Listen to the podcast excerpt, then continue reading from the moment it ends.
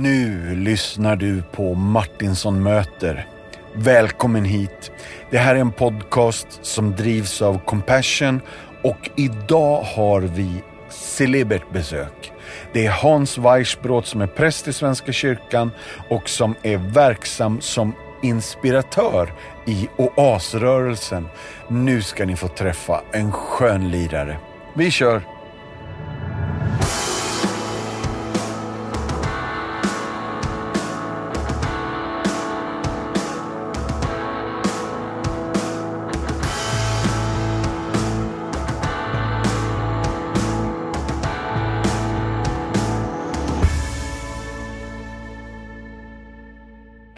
Alla vänner, nu är det dags. Nu hälsar vi Hans Weissbrot välkommen hit. Tack så mycket. Åh, vad kul att du är här. Roligt för mig att få vara här, Mattias. Ja. Du, jag kommer snart ha tio frågor, men först måste vi bara, kan du hjälpa oss med Weissbrot? Inte hur man stavar, utan varför är, är, är det vit limpa? Ja, det, jag själv visste inte vad mitt namn betydde förrän sjuan i tyska lektionen då vi alla såg mitt namn uppdelat i två ord i tyska boken. Det var nog det sista stället på jorden jag väntade med att hitta mitt efternamn. Och jag och alla andra med klasskamrater eh, begav oss ivrigt till ordförklaringen. Eh, de med stor förväntan och jag med ganska mycket ångest. eh, för vi hade fått en ledtråd av att det var Frau Gisela Weber som skulle in i en stor, stort bageri och köpa någonting som var illustrerat som en stor limpa. Och Ja. så fick vi alla samtidigt reda på att Weissbrot betyder mjukt bröd. Mjukt bröd, Ja. så inte vitt bröd. Nej, Weiss med dubbel S är ju vitt och Ja. Weich med CH, det är mjukt. Ja, men det är det jag har känt lite grann. Så det är där- därför eh, klarheten, det här hjälper ju. Jajamän, jajamän. Mm. Mm. Men du, fortsätt att berätta, det finns mer om namnet. Ja, alltså det är, vi, vi har ju mött släktingar då till, till vår gren av släkten som kom in från eh, Tyskland för fyra generationer sedan och där bak såg vi på släktträdet att det är ju helt eh, eh omgivet av judiska namn och vi har också pratat med gamla släktingar som, som omvittnar just det här att det, är- det är judiskt på min pappas sida då. Så att eh, det här är med stor sannolikhet judar som tog sig det här tyska namnet eh, på typ 1817-talet i Tyskland och sen flyttade de till Sverige. Vilket mycket väl kan ha haft med någon typ av förföljelse eller motstånd att göra som gjorde att de gav sig upp då. Just det. Du, vilken djupdykning i din life story. Eller hur? Ja, innan den kommer igång så måste jag få ta mina tio, eller måste och måste, det måste jag inte, men jag gör nog det ändå. Ja, men gör det. Tjut. Ja. Om du kunde göra vad som helst, vart som helst, ett helt dygn, vart skulle vi hitta dig då? Vad som helst, vart som helst. oj, oj, oj. Nej, men alltså jag älskar Israel, så är det ju bara. Så att um, hade jag haft ett dygn, då hade jag varit, det kan jag nog säga, då hade jag varit i Jerusalem och gått runt bland massa olika platser. Och det, det kan man ju faktiskt även göra på natten, det har jag gjort många gånger. Så att eh, Ja. det, det, det tar vi. Speciellt om man ska köra en liksom 24 timmars session, då får det bli det. Ja.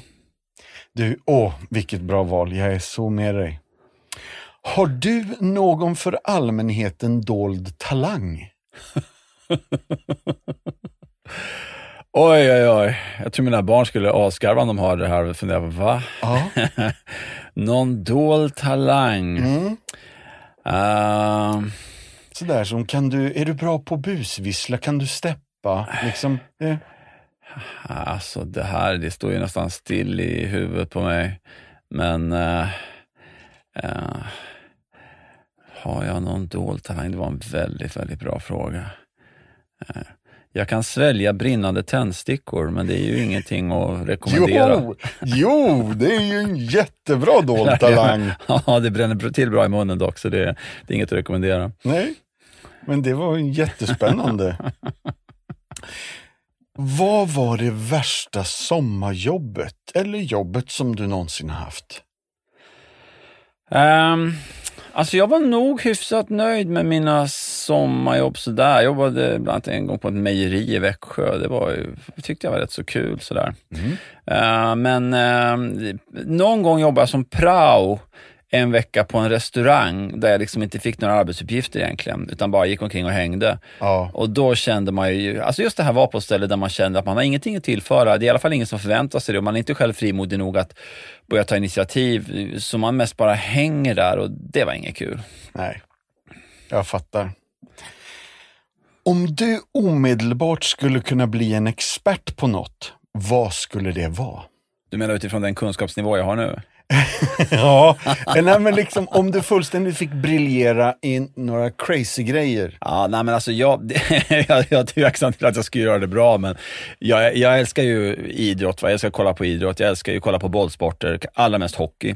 Så i hockey, där, det blir ju så va, att man, man lägger på sig lite nördkunskap i mycket bräckligt format, men ändå, så där kan jag ibland vara väldigt sugen på att hoppa in. Liksom. Jag kan ibland uppfinna små sportreferat själv som är liksom kommentarer till andra sportreferat och komma med olika teorier. Så att, eh, det skulle jag gärna göra. Underbart. Åh, sportkommentator Ja, alltså. absolut. Mm. Det var kul. Och om du skulle kunna gå med i något tidigare eller nuvarande popband, vilket band hade du valt? ja, man får nog uppfinna också lite musikalisk förmåga på vägen. Men skulle jag göra det, eh, då skulle, då skulle det vara Dire Straits, absolut. De, Åh. de är ju så grymt sköna. Ja, vilket bra val. Eller? Har du något favoritminne från barndomen eller tonåren som du kan dela med oss? Ja då. Eh, alltså ett sånt där minne. Eh, första dagen på sommarlovet när jag typ gick låg och mellanstadiet och man hade haft avslutning i skolan. Vi, vi besökte ju aldrig kyrkan som familj. Inte för att familjen var negativ, utan vi bara hade inte det. Eh, men så sjöng man ju någon psalm där. Va? Och det, det slog faktiskt an i mitt hjärta. Och så överhuvudtaget avslutning eh, som ju var härlig. Och så hade man hela sommarlovet framför sig. Det var paradisiskt. Och så sprang jag hem och då hade jag en, en, en tradition varje eh, sommarlov när jag började, att jag, jag gick en speciell gunga ute i skogen precis bredvid där vi bodde och så gungade jag den där gungan länge innan jag kom hem och fikade och visste att nu är hela sommarlovet framför. Åh, vad gött! Jättemysigt! Med den livserfarenhet som du har nu, vilket råd skulle du ge ditt 18-åriga jag? Oj. Eh. Alltså... Nej, men det, det, det, får bli, det får nog bli ett fromt svar för att det, det var ju precis då egentligen Jesus hade ryckt tag i mig.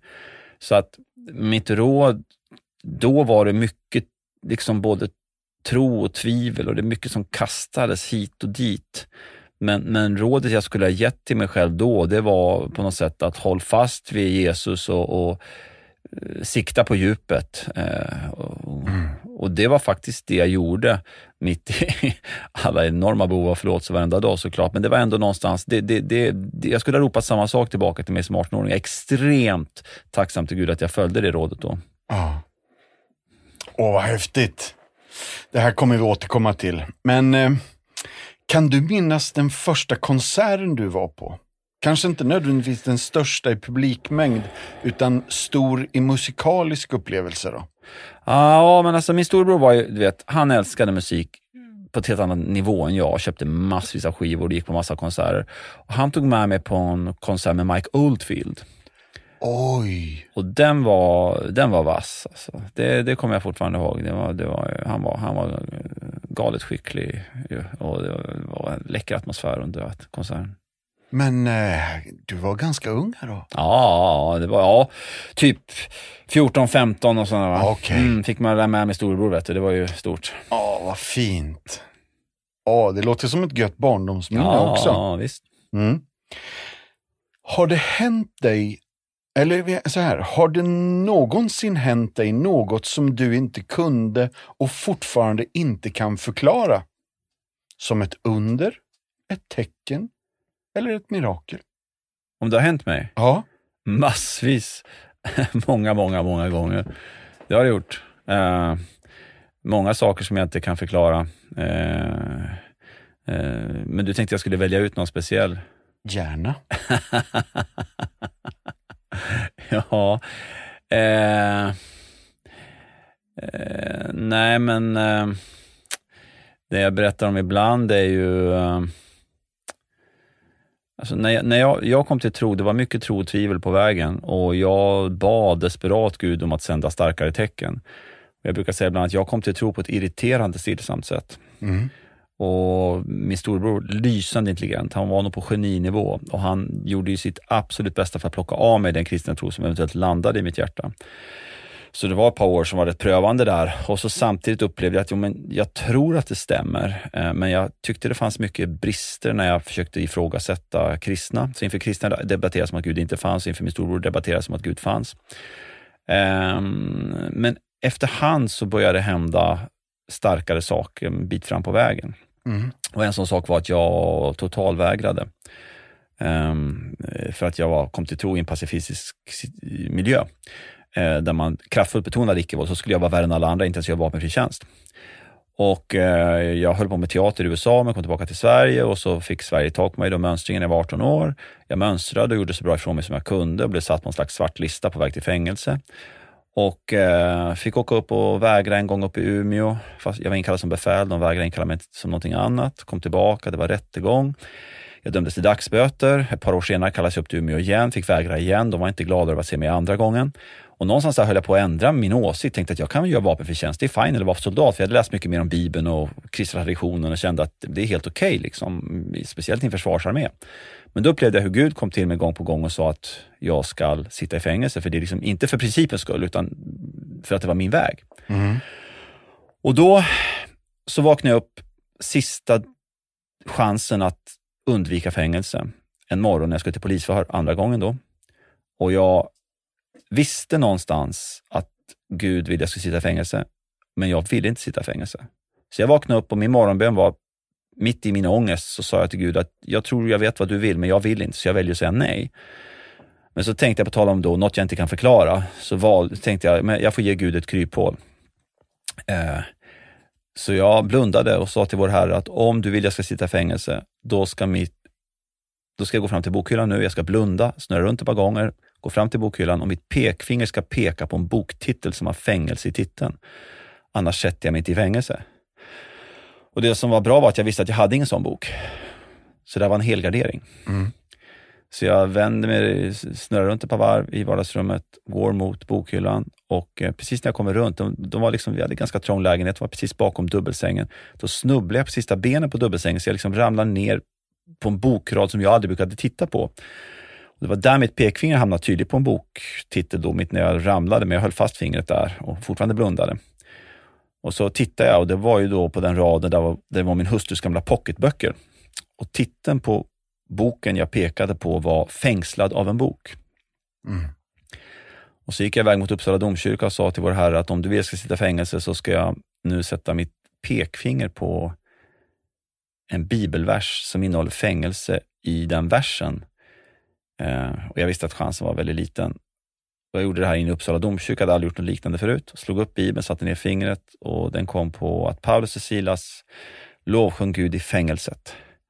Och då tittade jag upp i taket och så sa jag till vår Herre, en gång till. Och så slog jag Bibeln bakåt. Och så satte jag ner fingret och då var jag Gamla Testamentet. Jag visste att det är mycket mindre fängelse i Gamla Testamentet, mycket mer text.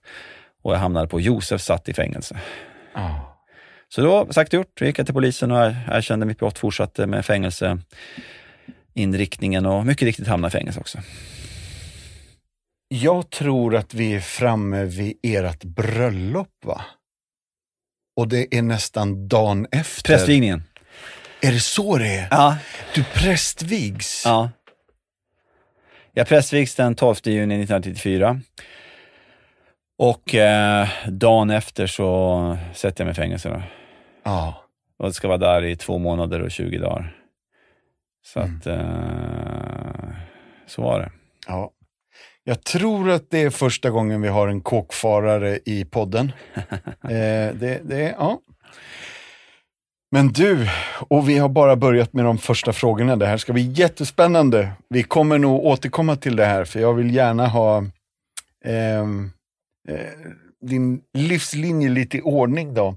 Men här kommer den sista av de första tio frågorna. Och den här får du göra ett hur stort utvik du vill på.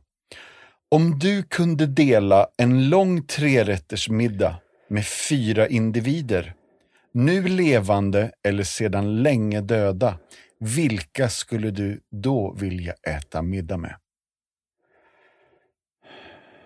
Ja ja, Jesus är ju inte död, han är uppstånden, så jag antar att han räknas inte in.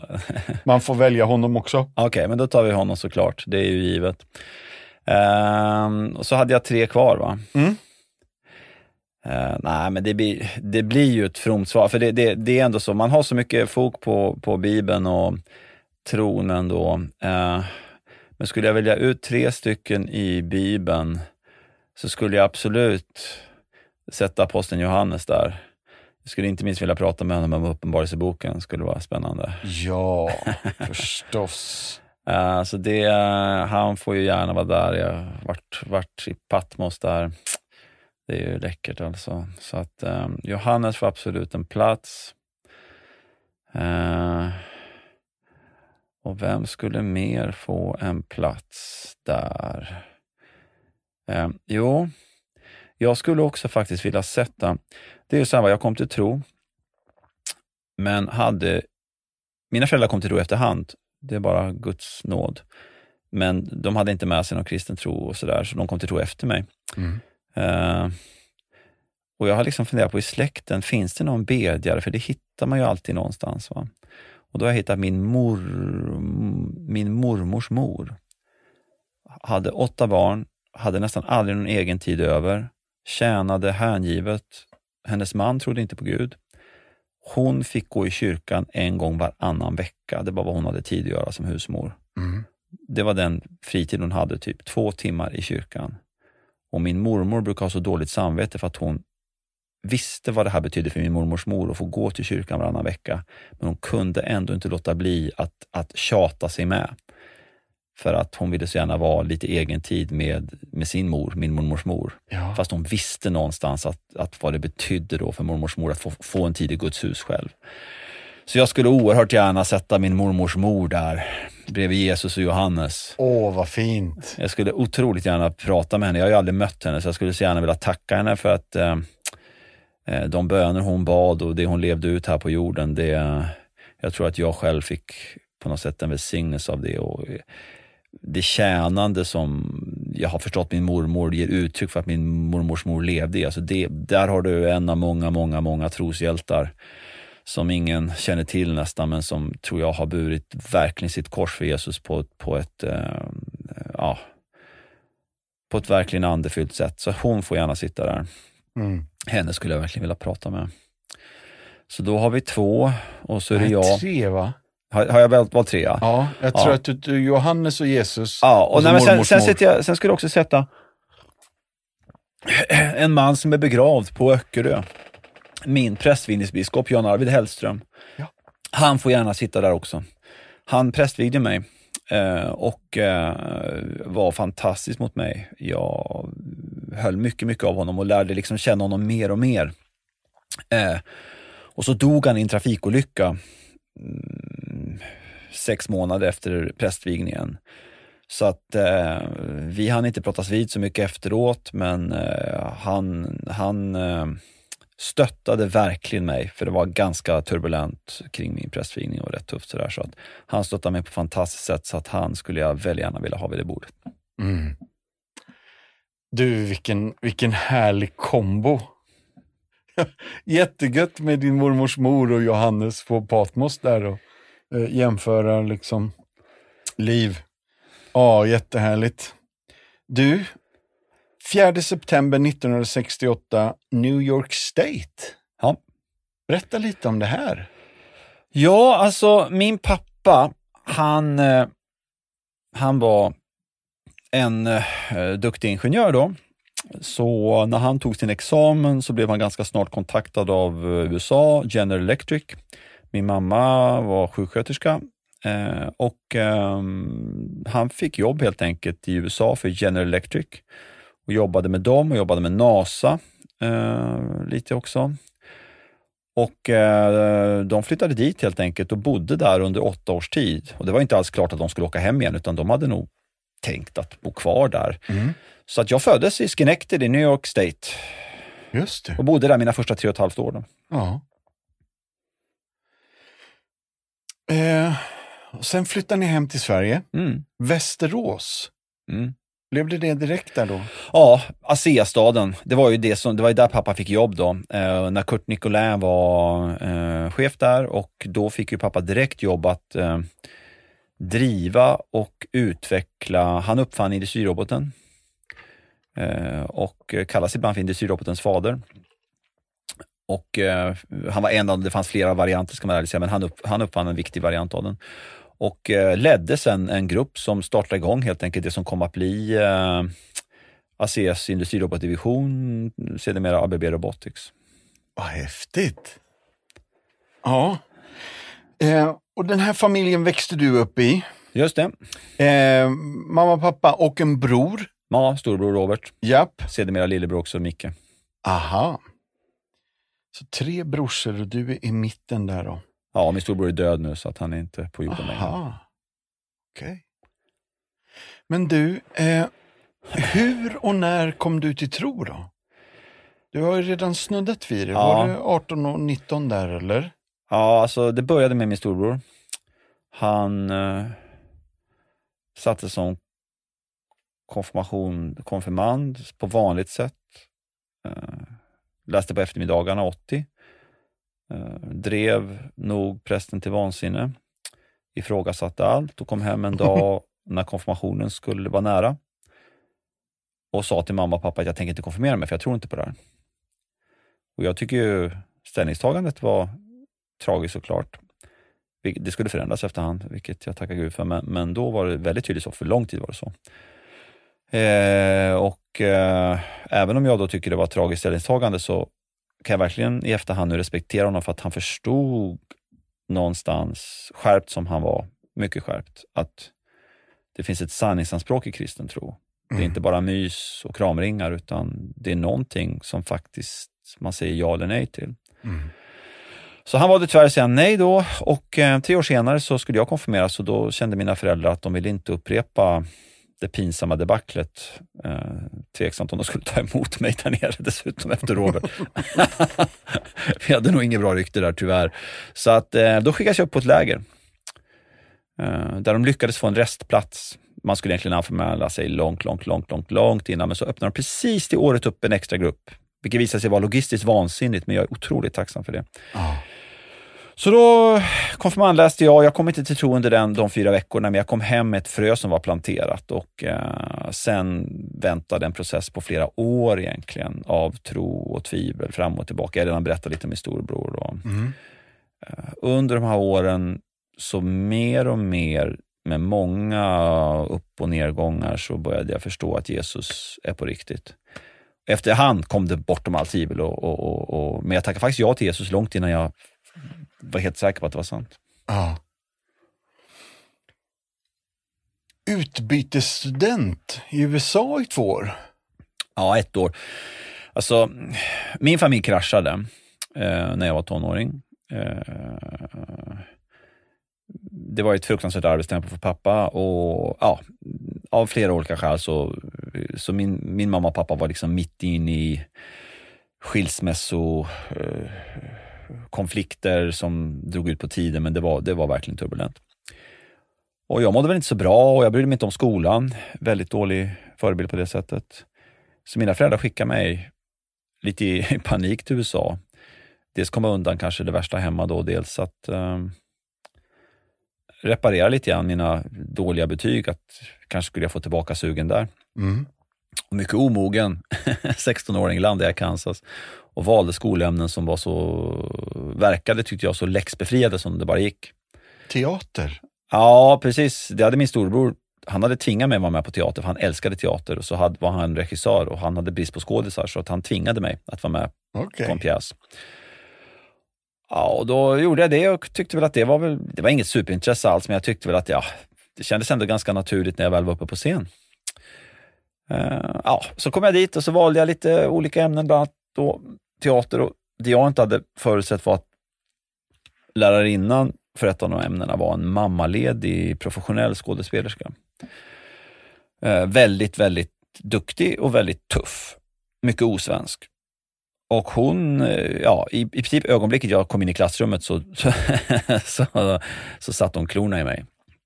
Mm. Och började träna mig kan man väl säga. Så hon eh, var inte alls så här snäll och svensk och sa att allt var bra och du är duktig, utan hon, hon var rätt brutal. Men det, det gjorde ju kanske nytta efterhand. Mm. Och eh, ja, efter första året så sa hon till mig, du ska inte åka hem. Jag hade ju tagit min student, för ung egentligen, men de var ju flexibla där i USA, så jag fick ju ta min senior year fast jag egentligen bara var på junior i, i ålder. Mm.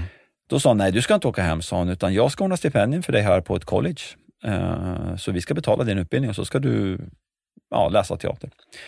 Så hon gjorde det. Hon fixade ett stipendium utan att jag ens behövde ansöka om det på ett college, Wichita State University. Sen åkte jag runt för dem och tävlade i teater under ett år då i mellanvästern. Ja, för det har jag hört också, att det är teatertävling och jag känner, hur tävlar man i teater? Du vet USA, de tävlar i allt. Ja. Ja.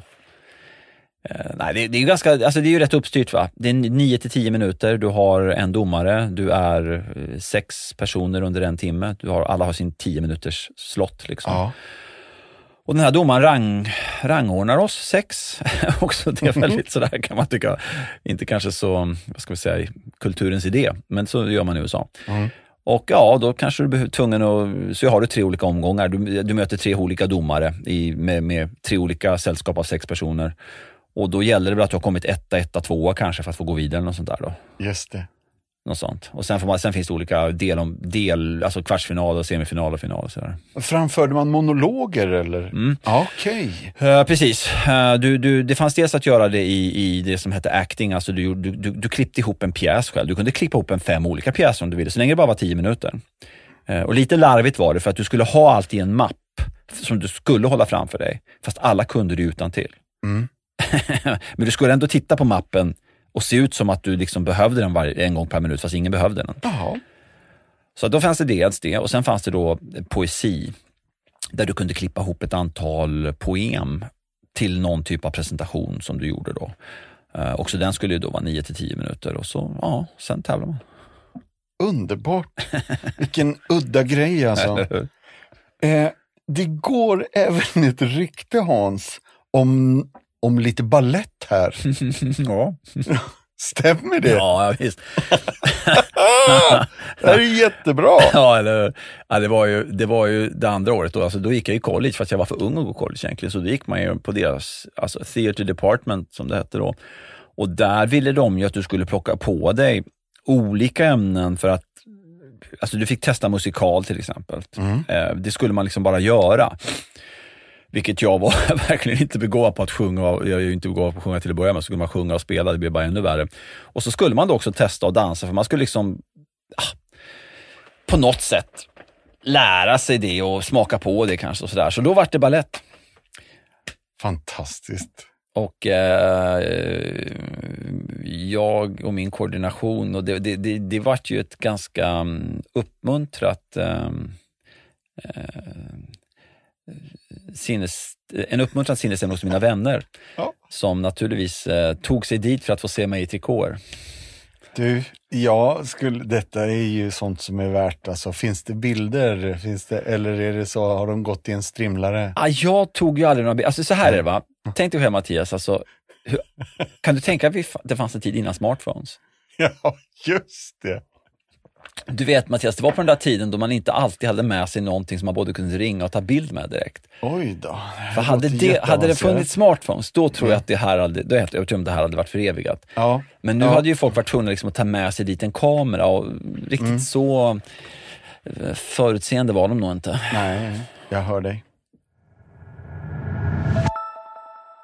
Många undrar ju varför vi säger att vi räddar barn ifrån fattigdom i Jesu namn.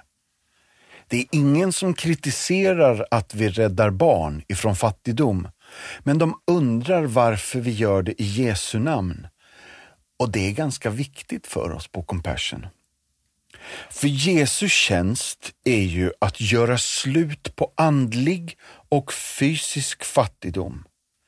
Bibeln berättar tydligt för oss att allt liv är heligt och rättvisa för de fattiga är ett av Guds absolut största bekymmer med världen och mänskligheten. I Gamla testamentet kommer Guds befallning att avsluta den fattiges lidande direkt efter budet mot avgudadyrkan, att Herren din Gud ska du tillbe.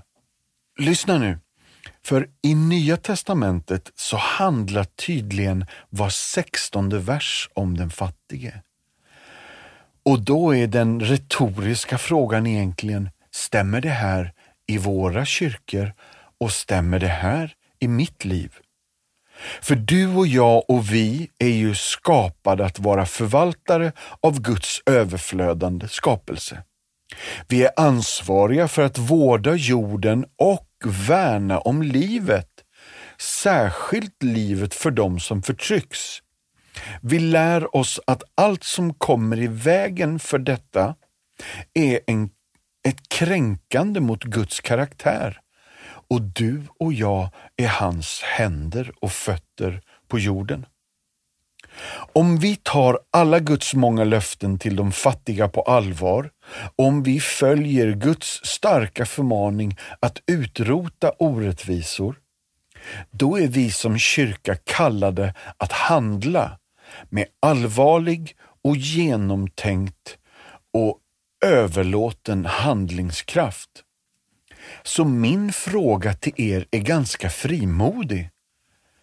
Vill du bli en fadder i Compassions arbete? Behovet av faddrar är stort. Och för 310 kronor i månaden så understödjer du ett fadderbarn och det innebär att du kan ha direktkontakt en till en med ditt fadderbarn. Och du understödjer både det barnet, dess familj och dess samhälle. Och gå in på vår hemsida så hittar ni massa mer information om det här. Compassion.se och vill du vara med och ge en gåva till Compassions arbete, all information, swishnummer, bankgironummer, allt sånt finns på hemsidan. Nu ger vi oss tillbaka till samtalet igen, men jag vill gärna att du betänker och beaktar behovet av faddrar i vår värld. Sen var du volontär, eh, Stiftsgården Rättvik. Ja. Och sen blev det Kronobergs folkhögskola, eh, Växjö. Ja. Och där träffade du Johanna. Precis. Ja. Och nu är vi framme vid 1990, eller? Uh, ja, det är vi ju. För jag gifte mig 5 januari 1990. Vi gifte oss. Nej, ja. Mm. 5 januari 1990 och då eh, flyttade vi upp till Uppsala och då började Johanna läsa till arbetsterapeut och jag började läsa till präst. Just det. Och sen har jag någon datering på, på Israel i ett halvår. Mm. Eh, När man- Svenska institutet. Ja, precis. Läste man hebreiska och grekiska en del så kunde man ansöka om att få stipendium. På den tiden fanns ju något som hette Svenska kyrkans mission. Ja. Och de eh, bland annat då hade hand om en helt unik institution som heter Svenska teologiska institutet i Jerusalem. Jajamän. Och där fanns ju en helt unik lärare, Göran Larsson, som ju är extremt kunnig. En av världens kunnigaste, skulle jag vilja tro. En av världens kunnigaste kristna på Gamla Testamentet, rabbinska skrifter, eh, dialog med judarna, han har helt unika nätverk, inte minst med ortodoxa och ultraortodoxa judar. Eh, Och han var ju där nere i Jerusalem då. Det är han ju mycket fortfarande, men då var han där som lärare mm, på institutet. Och, ja, så jag fick stipendium hans sista termin, vårtermin 93 och det är ju något man för alltid kommer vara tacksam för. Ja. Oj, vad häftigt. Ja, jag fattar. Både att få vara där nere i ett halvår, men också hänga med Göran Larsson. Ja, eller, Mm. Eh, och sen blev det prästvigning och sen blev det kåken. Och sen blev det Jönköping. precis. Är det så? Ja, jag prästvigdes ju Växjö stift. Ja. Det hörde ihop med det här att vi träffades på Kronobergs folkhögskola och då blev jag på något sätt, det var ju där jag lärde känna mina blivande prästvigningskompisar och så när jag läste i Uppsala var det väldigt naturligt, både för mig och min fru, att hänga med alla Växjöstiftare. Just det. Och då var det väldigt naturligt att fortsätta söka till det stiftet. Då. Ja. Och här någonstans eh, föds Jonathan också va? Mm, precis, han, han föds ju 15 september 1994. Eh, på försoningsdagen faktiskt. Ah, vad fint. Eh, men han föds ju där då, alltså precis faktiskt, vad blir det, 13 dagar efter jag kom ut från fängelset. Åh, tjena. Ja, vi, vi går inte ens in på det. Jag får ta en podd med Johanna också där. eller? Eller? ja, men någonstans i den här vevan så tror jag att telefonen ringer och så är det Stefan Gustafsson. Ja, det var ju speciellt för att det är så här att man gör ju ett år som svenskkyrklig präst då man bara ska ha eh, liksom ett år för handledning. Mm. Då har man inte en fast tjänst, det ska man inte ha. Men i Jönköping, där jag var mitt första år, så sa ju prästerna att du ska få jobb här. Men så allt det stängdes plötsligt då det jobb som skulle bli ledigt för mig inte blev ledigt. Mm. För att en präst blev sjuk. Och då på något märkligt sätt var vi på, i ett nollläge och någonstans väldigt kort därefter så ringer Stefan Gustafsson. Från, Som då var, var han direktor på Credo i han var generalsekreterare och nära kollega med din broder. Ja, Micke. Jag älskade Micke och Mm. det är verkligen de två som jobbade där. Och, eh, jag hade ju ingen erfarenhet alls av Credo som hette SSG på den tiden, men min fru älskar ju det.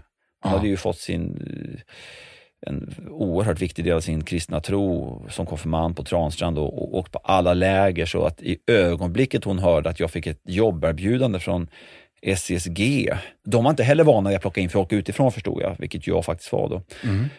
Eh, Så Stefan lät också lite trevande i början av samtalet. Så här. Men i vilket fall, hon jublade och jag förstod någonstans att det här är nog, det här är nog den dörren som öppnas. Liksom. Just det. Och då blev du studentpräst och skol...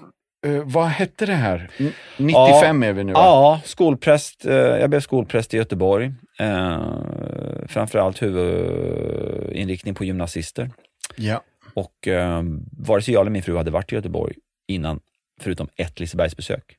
Så vi kände inga, vi hade egentligen aldrig varit här, men vi kände båda två väldigt tydligt att det här är från Gud, att vi ska hit. Så att det var faktiskt ett litet steg i tro där. Sommar 95 när vi rattade hit och, och vi visste också när vi kom ner här, vi såg Göteborg från, från 40 från Borås på väg ner. ja. Så båda två bara, det här är vårt hem, det är här vi kommer att, och, och, det här kommer vara vår bas for life. Liksom. Menar du det? Ja. Vad gött. Vilken eh, skönt välkomnande till staden som blev er. Ja, verkligen alltså. Mm. Och samtidigt lite läskigt då eftersom man kände ju ingen. Alltså det var ju, och jag menar, SSG-tjänsten var ju liksom en väldigt fri tjänst. Det fanns ju inte mycket hållhakar alls vad man skulle göra och inte göra. Så att det, det, det, var väldigt, det var väldigt mycket det här Petrus på vattnet, sjunka ena dagen och gå andra. Säga. Mm. Och här någonstans föds, 97 någon gång bara föds ert andra barn. Ja, Emilia. Som är en flicka. Japp. Vad hette hon? Emilia. Emilia, just det. Eh, och det är lika bra vi tar alla tre barnen va? 2002, Theodor. Theodor. Mm. Just det. Och han är den enda som bor hemma nu då, eller? Jajamän. Japp. Ja, vad fränt. Ehm, vad tänkte jag på mer då? Alltså, detta har ju lett oss fram, inte tills idag, jo det har det ju, Mm. men någonstans vid 2001 så kommer då oasrörelsen in. Eh, I alla fall med en anställning. Precis. Berätta lite om resan dit och eh, resan med OAS nu då. Alltså, när jag jobbade för, började jobba för SSG så hade man på den tiden sommarläger i samarbete med OAS. Så OAS hade liksom läger för vuxna och SSG var som ungdomslägret för OAS. På den tiden var det i Kungshamn. Och jag visste inte alls vad OAS var för någonting. Eh, hade hört talas om det någon gång men egentligen inget mer. Eh, men eh, då var jag inte med på OAS-mötet direkt för att vi hade ju fullt upp med vårt läger. Det gick ju, vi var ju deras ungdomsläger så vi, var ju, vi hade ju fullt upp samtidigt. Men vi hade då ett möte hos dem. Ehm, och sen då på något sätt så gjorde man det mer tydligt att det där mötet var liksom en del av OAS-mötet när vi medverkade och det kom då 97 och då kallade de mig att, eh, eller 98 var det väl, så kallade de mig att predika där. Och, eh, och då var det liksom de vuxna där, hela OAS, det var ett vanligt OAS-möte och jag predikade. Eh, och jag kände ju igen Växjö stift tyckte jag. Jag kände igen Kronoberg. Min andlige fader Bo Brander som, som stod för en eh, folklig, högkyrklig karismatik kan man säga. Mycket lovsång, tillbedjan, god förkunnelse, Bibeln i centrum, slags varm, levande gemenskap. Och jag insåg ju någonstans att det här är precis samma och det stämde ju till stor del för det, båda var ju influerat av liksom Bo Giertz och Bertil Gärtner och hela mm, det här stråket då. Eh, Å Stiftsgård, Bengt Pleijel och många sådana markörer. Så att eh, det där kände jag igen, det kändes väldigt hemma. Så att eh, ja, då åkte jag väl på någon prästkurs också som de hade oss och jag predikade igen. Jag blev inbjuden att predika nästa sommar igen. Uh, och uh, den här hemkänslan förstärktes och så lärde jag känna Berit Simonsson då. Och uh, ja, ganska snart så fick jag ett jobberbjudande från dem då. Mm. Vilket ju var direkt upplevt att jo, men det här är det var också lite läskigt, lite nytt och som har flyttat till Göteborg med Credo, men, men då hade jag hållit på att jobba för Credo i fem år och kände att det här, det här är nog nästa steg. Liksom och mm. Så blev det. Mm. Och, och, inte bara så, så blev det, utan så är det ju. Ja, eller hur? Ja. ja. ja märkligt. Ja. Märkligt. Men din titel är inspiratör. Ja. Eh, åker du runt och peppar folk? Är det det? Ja... Eh, alltså, jag brukar beskriva det vi gör för OAS, eller det, ja, våra tjänster, med riktningen inåt och utåt. Mm. Eh, om man börjar med inåt, så OAS kallelse, tror vi, eh, Bertil Gärtner han, han myntade det här, han sa att vi är lite grann som templet. Om man tänker templet på Jesu tid och i Gamla Testamentet så var det menat liksom att vara inte vardagsmötesplatsen, utan där kom Guds folk samman en eller ett par gånger per år. Det skulle vara tre gånger per år egentligen, men, men alltså inte vardagligt utan mer det här lite ibland. Och då samlas hela Guds folk från nord, syd, öst, väst. Man mötte Herren, men man mötte Herren tillsammans som Guds folk. Mm. Eh, och det, vi kan ju bara tänka oss vilken nätverkande som måste ha skett i landet när folket lydde Herren, vilket ju var något ljuvligt, tog en vecka att ta sig upp, en vecka att vara där i templet, mycket sång och dans på vägen upp och en vecka att ta sig hem. Mm. Och så allt nätverkande på väg upp, på väg dit och där och på väg hem. Samtidigt som det var mycket tillbedjan och allt vad det nu var. Jag, jag menar, tänk vilken berikning för ett land att samlas på det sättet, ett folk. Mm. Eh, så att där så Gertner, att det här ligger liksom nära OAS grundkallelse, att vi ska liksom samla, vi är en svensk kyrklig förnyelserörelse med en extremt stor ekumenisk öppenhet och liksom samla Guds folk, en av många goda krafter som gör det. Eh, så att vi har ju våra konferenser eh, som vi bygger då, eh, som vi har varje sommar och det som är lite annorlunda för oss är ju att vi, till skillnad från Torp, Europa Europakonferensen och Nyhem och Hönökonferensen, alla jätteunderbara. Så det annorlunda för oss det är att vi byter plats. Mm. Så vi är typ två år på en plats och sen drar vi vidare. Och Det är både en fördel och en nackdel. Mm. Men det är väldigt spännande det här att komma till nya platser, möta nya människor, nya förutsättningar.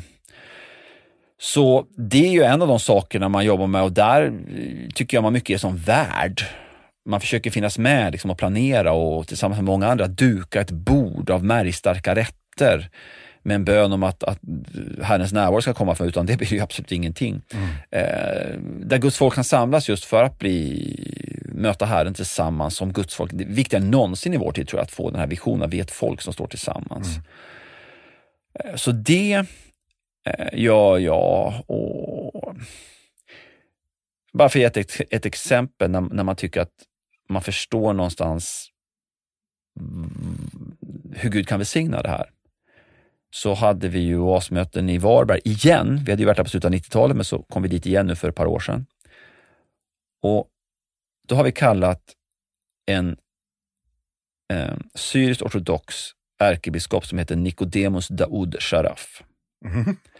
Skönt namn. Ja, eller hur? Ja. Och han är inte en, en, en person som de flesta skulle liksom möta bara sådär, utan det är ju det här att duka ett bord. Och vi hade verkligen upplevt i bön och i samtal eh, med de kontakter vi hade att det här var rätt person. Och så står han inför alla, jag kan aldrig glömma det, va? han kommer i sin ortodoxa biskopsskrud eh, och står inför alla. Ganska kärv, eh, men varm. Och oerhört osentimental, men, men, men, men förtroendeingivande. Och så berättar han för alla på väldigt ödmjukt sätt hur han var i Mosul och eh, hur han fick uppmaning av armén när Isis drog närmare att eh, dra, sticka. Men han gör inte det. Han står kvar. Och eh, han vägrar att gå förrän, som han sa själv, alla hans får går med honom. Och alla vill inte gå än. Till slut är Isis bara några hundra meter därifrån. De har hela tiden liksom striderna. Och nu kommer armén i princip tvingar ut honom. Och nu går också de sista hans får.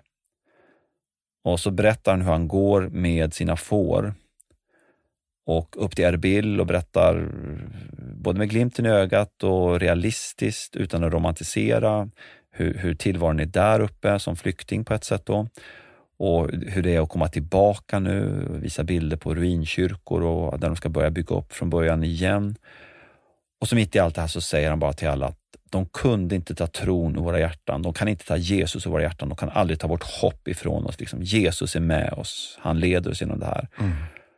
Och som på en given signal, helt utan att han har gjort något som helst för att det ska ske, nästan avbryter honom mitt i en mening.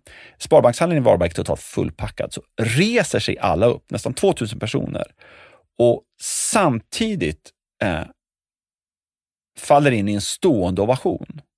Och jag känner Guds närvaro är där. Det här är ingen ytlig applåd, liksom, utan det här är något helt annat. Va? Och det är definitivt inte heller liksom att lyfta upp honom som någon idol, alltså någon osund piedestal, samtidigt som han är en förebild i hans hela hans sätt att vara. Mm. Så vi har en extrem respekt och högaktning av honom, men framförallt en applåd till Jesus upplever jag. Och jag kände så tydligt att här talar Gud profetiskt till folk, för det är många som kommer från kamper på olika sätt i sina kristna liv och ledarkallelser och allt vad Svenska kyrkan brottas med och andra kyrkor och samfund, det kommer många från andra ställen också, upplever liksom så här, ger folk, här ger Gud många perspektiv på sina svårigheter de tror på att tron på Jesus bär igenom och sträck på din rygg liksom och tappa inte sugen. Alltså det var många olika saker upplevde som bara, bara gavs genom det här. Mm. Och så var kyrkans tidning där, Svenska kyrkans stora ja, vad ska man säga, det, det, det är ju den tidningen ändå som är lite sådär officiell eh, inifrån Svenska kyrkan på ett sätt. Och de gjorde ett fantastiskt reportage. Och även Hallandsposten gjorde det. Då de var liksom helt hänförda av denne man. Så att det liksom basunerades ut i hela Svenska kyrkan och även Hallandsposten. Och det där kan jag tänka, där, där, jag upplevde så tydligt att, på tal om inåt, liksom, det, här är, det här är en del av visionen. Mm. Uh, få, få vara med tempelplatsen, människor samlas. Mm. Det är det ena. Liksom. Uh, så har vi många andra kurser under året för präster och diakoner och numera för lovsångare också. Väldigt härligt. Vi börjar öppna upp för det och allting. Så det är inåt. Och sen utåt så är det det här du beskrev. Då är man runt mycket träffar många ledare, runt och talar mycket och sådär. Men det, det, är lite tjusande det där med när man är ute Mattias, det är ju liksom att inåt är ju det vi arrangerar, utåt det är helt beroende på folks förtroenden. Alltså det, det är mm. ju, där tackar man ja för att någon vill att man ska komma. Det är så spännande detta du delar Hans. Eh, en, jag vet att du har varit med och gett ut flera böcker. Men eh, du tycker att du kanske mest har skrivit en. ja, faktiskt. Ja. Det. eh, och det är Genom stormen. Ja. Eh, 2013. Mm. Bara berätta lite om den och hur den kom till. Ja, eh, alltså det var en vers där i Apostlagärningarna 27. Det är ett bibelkapitel som är extremt fascinerande. Då Paulus som fånge förs från Israel, Caesarea vid havet, till Rom egentligen, men de strandar på Malta och de är med om en väldig storm. Och Paulus har haft en väldigt tuff livssituation under flera års tid, från det att han besöker Jerusalem vid det här speciella tillfället då allting egentligen går snett. Och sen är han då fånge ett par år, Caesarea vid havet. Och så kommer den här stormen till råga på allt. Ja. Um, och då skriver Lukas, som ju är med på den här resan, då skriver han, till sist förlorade vi allt hopp om räddning. Och vi, det är ju, då menar han ju han själv och Paulus. Och det där brände tag i mig ganska rejält. Paulus är otroligt ärlig med både framgångarna och favörerna och vad Gud gör. Han är väldigt sund på det sättet, men han är också oerhört tydlig med ångesten och tårarna och kampen och nöden, smärtan, prövningarna, lidandet. Och här är Lukas väldigt ärlig med att de kom till ett läge då de förlorade hopp om räddning. Uh, och det här var väl en livssituation då för mig då min storebror hade dött. Han föll död i golvet, 40 år gammal. Oj. Uh, hans hjärta sprack. Och uh, det blev en väldigt stark sorg över det såklart. Det var totalt chockartat. Och så jag är lite hypokondriker, det är en spricka jag har och så skulle jag iväg och göra hjärt ultraljudsundersökning av hjärtat och de hittar då att det läcker från hjärtklaff. Och läkaren säger sådär lite halvdiffust att ja, det är helt okej, okay. vi kanske behöver operera längre fram, men inte just nu, det, det är liksom lugnt. Så. Men så tittar han på mig och sa att du sa, rusa inte pulsen över 160. Uh, eh, och jag älskade att springa fram till då, vilket jag la av med då. Uh, och en normal person, och, och de flesta kristna, hade nog gått därifrån och ryckt på axlarna. Liksom. Vadå, en hjärtklaff, räcker, det kan de fixa om det skulle vara så. Men jag är ju inte normal här, jag har en spricka här. Så att för mig så blev det, eh, det ledde mig in i dels sorg över min storbror, men dels det här också. Jag hade ett års dödsångest ungefär, då jag trodde jag skulle dö. Uh, och ing, det var inget synd om mig, men, men de facto var det så. Till slut fick jag så mycket ångest att mitt hjärta började slå dubbelslag och Eh, sen, sen kom jag upp igen. Liksom. Herren tog mig upp mig efterhand, men, men då var det vissa bibeltexter som talade väldigt djupt och starkt till mig under det här året. Och en text var just det här med Paulus, att han faktiskt vid ett visst läge förlorade allt hopp om räddning. Mm.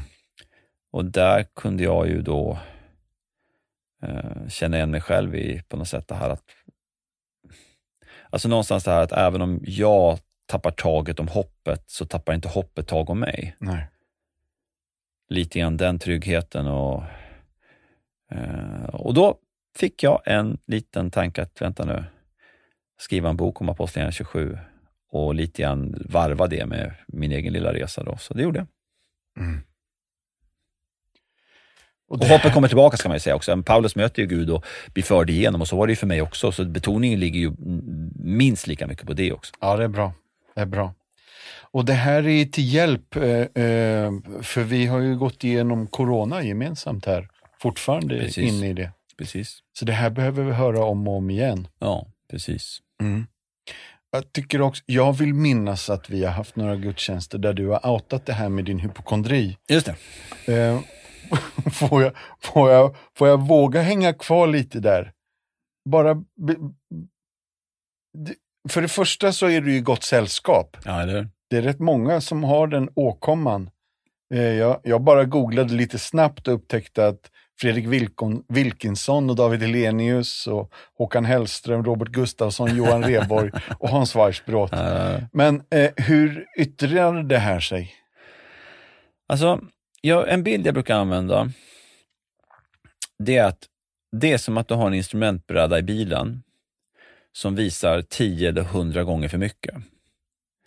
Så att det, det, jag, den bilden har hjälpt mig en hel del. Eh, alltså, om du får eh, ont i magen, så en normal reaktion att tänka, jag menar i 99 fall av 100 eller mer än så, så är det någonting som löser sig ganska snabbt och så vidare. Va? Om man inte får blixtont, då är det självklart, då ska man inte till sjukhus, men alltså om det är normal. Sådär. Men min instrumentbräda visar hundra gånger för mycket. Så mm. den visar liksom du ska dö inom ett par timmar. Uh, så det, det, är där problemet sitter på instrumentbrädan om man säger så. Man gör en felläsning och det är ju någon slags rädsla, någonting som man någon gång har blivit lite skadad här. Jag, jag känner att jag blivit helad efterhand. Så nu visar min instrumentbräda kanske inte hundra gånger för mycket utan tio gånger för mycket, att det går åt rätt håll så att säga. Och framförallt, mm framförallt är det kanske vetskapen om att jag kan inte lita på min instrumentbräda. Mm, jag har en hustru som är mycket bra, brutal och saklig och kärleksfull på samma gång. Så att eh, mm, det är väldigt, väldigt bra, skulle jag uppmuntra alla med olika fobier och rädslor och allting. Håll det inte för dig själv. Det är precis det sämsta stället och sämsta eh, praxisen, utan ta det med någon annan du har förtroende för. Liksom dela vad den är för någonting man är rädd för eller hamnar i ångest för, för att det, det, det hjälper väldigt ofta. Mm. Och, och, den här balansen, eh jag, jag, jag gillar att du, att du brottas, vad ska vi säga, offentligt med det i böcker och i förkunnelse och att eh, eh för när du delar det här Eh, så speglar det våra liv och våra brottningskamper och vi finner en identifikation eh, både i den förtvivlan som Paulus kände och som du har känt och som vi känner ibland. Eh, men också det, det du återkom till att, att det blir hoppfullt och det går att gå igenom och det föder tro. Ja, precis. Precis så. Exakt. Det är själva poängen. Det, ja. det, det var därför jag tillade också där, att jag kom igenom. Alltså på något sätt att det är viktigt att dela det så att säga. Ja. Att, att det, det finns en riktning i det. Precis så. Jag tänkte fråga hur ska man komma vidare, men du sa att man ska dela det med någon. Nej, men det är det. Alltså, det, det blir så lätt skam och skuld. Uh, man, man känner sig eh, patetisk kanske, eller, eller, på något sätt att man, man känner att man, man själv har misslyckats när man är så pass svag. Man tror att det är inte så många andra som brottas. Och så är det väldigt lätt då att man bär på det här själv. Mm. Uh, och det är precis det sämsta faktiskt. Mm. Utan det handlar om att, att, tror jag, väldigt mycket att dela med andra. Eh, både få förbön, råd, tips, eh, perspektiv eh, på massa olika sätt. Mm. Jag delar direkt med min fru, eller försöker göra det väldigt snabbt. För det händer gång på gång och, och ja, hon, hon, hon tar det väldigt bra. Ja. Gött. Helt enkelt lite förbön, prata med vänner eller ringa Johanna. det, är det Sverige ska göra. Absolut, jag kan kolla ja, telefonnummer. Absolut. Ja. ja. absolut. Men du Hans, om vi nu strax ska gå ner för landning här. Eh, är det något mer du skulle vilja, det här är bra att påminna sig om eller det här tog vi inte upp eller är det någonting du vill skicka med? Jag kommer på en grej nu direkt här, men kör du om du kommer på något. Jag vill höra dig först här Mattias. Ja. Eh, Compassion är en fadderbarnsorganisation. Aha, aha. Vi, vårt mål är att utplåna fattigdomen i världen. Och den meningen i sig är ju liksom så oändligt stor. Eller Så alla känner bara liksom nästan en någon någon tyngd av den. Ja. Men, men jag känner mig lite hoppfull mm. att det går. Mm. Jag ser hur liv förvandlas. Eh, vad, vad tänker du kring det? Om du får vara Bono här nu några minuter och kom igen nu världen, nu tar vi hand om varandra. Nej men alltså det, det precis som du säger va, så det är väl en väldigt sund kombo det här att, att vad var det någon sagt ungefär så att be till Gud som att allt beror på Gud och agera själv som att Gud verkligen kommer vilja använda sig av dig. Mm. Uh, jag tror det är en väldigt bra kombo. Eh, och eh, att vi kan göra stor skillnad, ehm, det tror jag är, det, det, ser man ju så många exempel på. Eh, jag tänkte på det här just igår när jag eh, visste att jag skulle hit och kom ju att tänka på en, en ehm, eh, god vän till, till pappa, eh, Percy Barnevik, som var pappas chef och eh, extremt framgångsrik industriledare. Och han, eh, när han ja, närmar sig pension kanske så, så blev han verkligen, han fick en vision på något sätt att han vill vara med och, och slå ett slag för att eh, bekämpa fattigdom och förbättra människors livsvillkor. Mm. Eh, och då satte han ju igång en organisation som ehm, eh, hjälpte till att ge mikrolån till, eh, inte minst till utsatta kvinnor världen över. Mm. För att hjälpa dem starta olika sorters, i extremt lite lokalformat, eh, stötta dem, hjälpa dem starta olika sorters verksamheter eh, som skulle på något sätt hjälpa dem och deras familj en bit framåt och kanske människor runt omkring. Väldigt, väldigt fiffigt system som Ja. har, har fått eh, betyda mycket tror jag. Det tycker jag är ett sådant typexempel på kreativitet Mm. någonstans. Eh, Så att, eh, jag tänker samma sak med compassion där, va? Att, att det finns så mycket man kan göra med kreativitet och ta ett steg i tro framåt. Så att det är väl en enormt angelägen tid just nu att försöka verkligen att eh, se, både stötta organisationer man har förtroende för, som Compassion, och eh, på något sätt se vad kreativitet kan betyda Mm. när man tar steg i tro framåt. Av de tio mest effektivaste sakerna i världen så kommer det här mikrolån bland de tio. Ja, jag kan tänka mig det. Ja. Ja. Absolut. Eh, och att bli fadder kommer på punkt fyra faktiskt. Och det är ju verkligen någonting konkret man kan göra. Jajamän. Det, det, det där fadder älskar jag. Jag tycker det, det är så bra för att det, det är ju relationellt. Det, det, är, det är på ett sätt då att mm, det blir inte bara en stor grå massa utan du hjälper någon personligen. Ja. Eh, Du vet att hjälpen når fram. Mm. Eh, Och det där, det, det tror jag är ovärderligt alltså. Och det är inte bara en punktinsats. Det tycker jag är, är, är så kraftfullt att man faktiskt ger över tid. Eller hur? Ja. Och det, och det, där är, det där är väl någonting i vår tid, alltså jag, jag tycker mer och mer man ska fundera på det att, att en, en stor problem i vår tid är fragmentariseringen och förytligandet och på något sätt det här lite grann att vi, vi, vi inte är så uthålliga. Nej. Och att, där tror jag verkligen att när man hjälper är det mycket, mycket det är en stor vinst med att vara uthållig i till exempel sitt givande, eller vad man ger, eller vad man stöttar.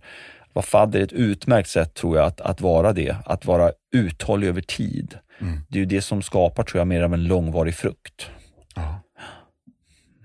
ja, det är så. Jag blir bara påmind när du delar, för vi har jag fick höra en life story om en av våra fadderbarn som nu är läkare Mm. och eh, fick sitt liv förvandlat. Wow. Och han håller på, jag tror han är från Brasilien, och han håller på och hjälper till och, eh, i coronasituationen här nu. Då. Ja, du ser. Så man bara, ah, man vet inte vad som kan hända. Nej, Det är, du det är ser. stort. Ja, men det är stort. Det, det, det, det är den där typen av utveckling du ser när du stöttar långsiktigt. Mm. tror jag. Det, det, det är det som man får se. Så det, det, det tror jag är någonting synnerligen eh, kreativt man själv kan göra för att, för att eh, viktigare än någonsin idag att finnas med där, tror jag. Ja. Mm. Ja, vad gött. Du, det var min tanke. Hade du någon mer du funderar på? Det något du vill skicka med? Oj, oj, oj, oj, oj. Någonting jag vill skicka med. Eh, ja du, vad är det man skulle vilja skicka med? Eh. Alltså, är det någonting man skulle vilja dela själv så är det ju eh, en av de mest kända rikedomarna som kristna har att ta till. Och det är ju det som jag lärde mig av min andlige fader Bo Brander då, väldigt tidigt i livet. På tal om den här frågan du sa till mig, vad skulle jag säga till mig själv som 18-åring? Mm. Så skulle jag säga till mig själv som 18-åring att du kommer snart träffa en präst som heter Bo Brander. Snappa upp allt du kan från honom. Mm. och det gjorde jag faktiskt. Ja. Så att väldigt många saker missade jag som jag ville säga till mig som 18-åring, att inte göra inte om de misstagen såklart. Men det var faktiskt ett par av de viktigaste saker tycker jag som jag faktiskt träffade. Och det var just det här att jag, jag, jag gjorde det och det Bosse hade bland annat som jag skulle vilja unna alla människor, inte minst i den här tiden, det är att han, han börjar varje dag med Gud. Mm. Eh, Och eh, han har en ordning för hur han börjar varje dag med Gud. Och det är väl en av de saker jag själv, en av de största källorna till välsignelse i mitt liv är att jag har lärt mig av Bosse att ha ett mönster varje morgon där jag tuggar i mig tre salta salmer och en evangelietext och ber om förlåtelse och tar emot Jesu förlåtelse och ber Fader vår. Och, det, det är för mig en helt ovärderlig källa till välsignelse mitt i livets kamp och ville valla fram och tillbaka. Så att det är en ganska så här praktisk, faktisk, fast också andlig eh, vana så att säga. Men den skulle jag verkligen vilja påminna och uppmuntra människor att det, det, det funkar. Mm. Jättegött. Du, jag tror att det får vara sista ordet för idag. Ja. Tack snälla Hans för Tack att du själv. kom hit. Tack själv. Jättegott att du är här. Mm. Tack alla för att ni har lyssnat. Om det fanns intressanta detaljer i podden som du vill kolla upp, till exempel referenser till sånger, böcker, filmer. Alla de grejerna finns helt enkelt på compassion.se.